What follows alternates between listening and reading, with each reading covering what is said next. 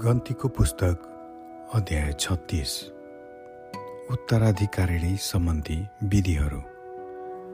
युसुफका पनाती मनस्यका नाति माकेरका छोरा किलातको वंशका मुखियाहरूले मोसा र इजरायली नायकहरूका सामुन्ने आएर भने परमप्रभुले इजरायलीहरूलाई चिट्ठा हालेर देश अधिकारमा दिन हजुरलाई आज्ञा गर्नुभएको थियो अनि हाम्रा भाइ सालफातले को अधिकार तिनका छोरीहरूलाई दिनु भनी परमप्रभुबाट हजुरलाई आज्ञा भएको थियो।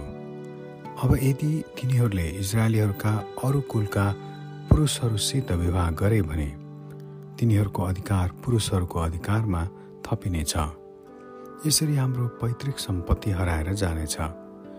इजरायलीहरूका पुनर्स्थापनको वर्ष आउँदा ती स्त्रीहरूको पैतृक सम्पत्ति पनि विवाह गरेर गएको कुलकै सम्पत्तिमा थपिनेछ। यसरी हाम्रा पुर्खाको कुलको पैतृक सम्पत्ति हामी गुमाउनेछौँ। तब परमप्रभुको आज्ञाअनुसार मोसाले इजरायलीहरूलाई यसो भनेर आदेश दिए योसेफका छोराहरूको कुलले भनेको कुरा ठिकै हो। सलोफातका छोरीहरूका विषयमा परमप्रभुले यो आज्ञा दिनुभएको छ। आफ्नो बुवापट्टिका कुलका परिवारसँगको जससँग मन लाग्छ त्यससँग मात्र तिनीहरूले विवाह गरून्। यसो गर्नाले इजरायलीहरूले कुनै उत्तराधिकार एक कुलबाट अर्को कुलमा जान पाउने छैन। हरेक इजरायली आफ्नै पैतृक सम्पत्तिभित्र बसोस्।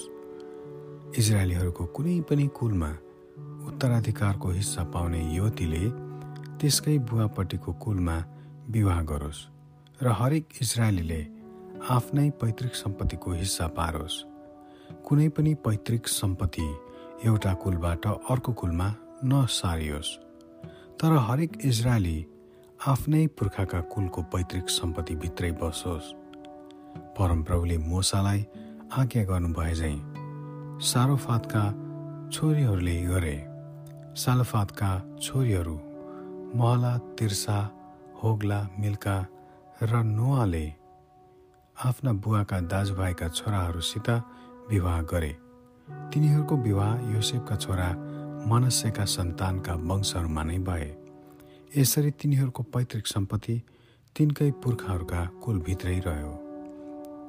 एरिहोदेखि पारी एर्दन नदीको किनारनेर मुआबको मैदानमा परमप्रभुले मोसद्वारा इजरायलीहरूलाई दिनुभएका आज्ञा र विधिहरू यिनै हुन्। आमेन।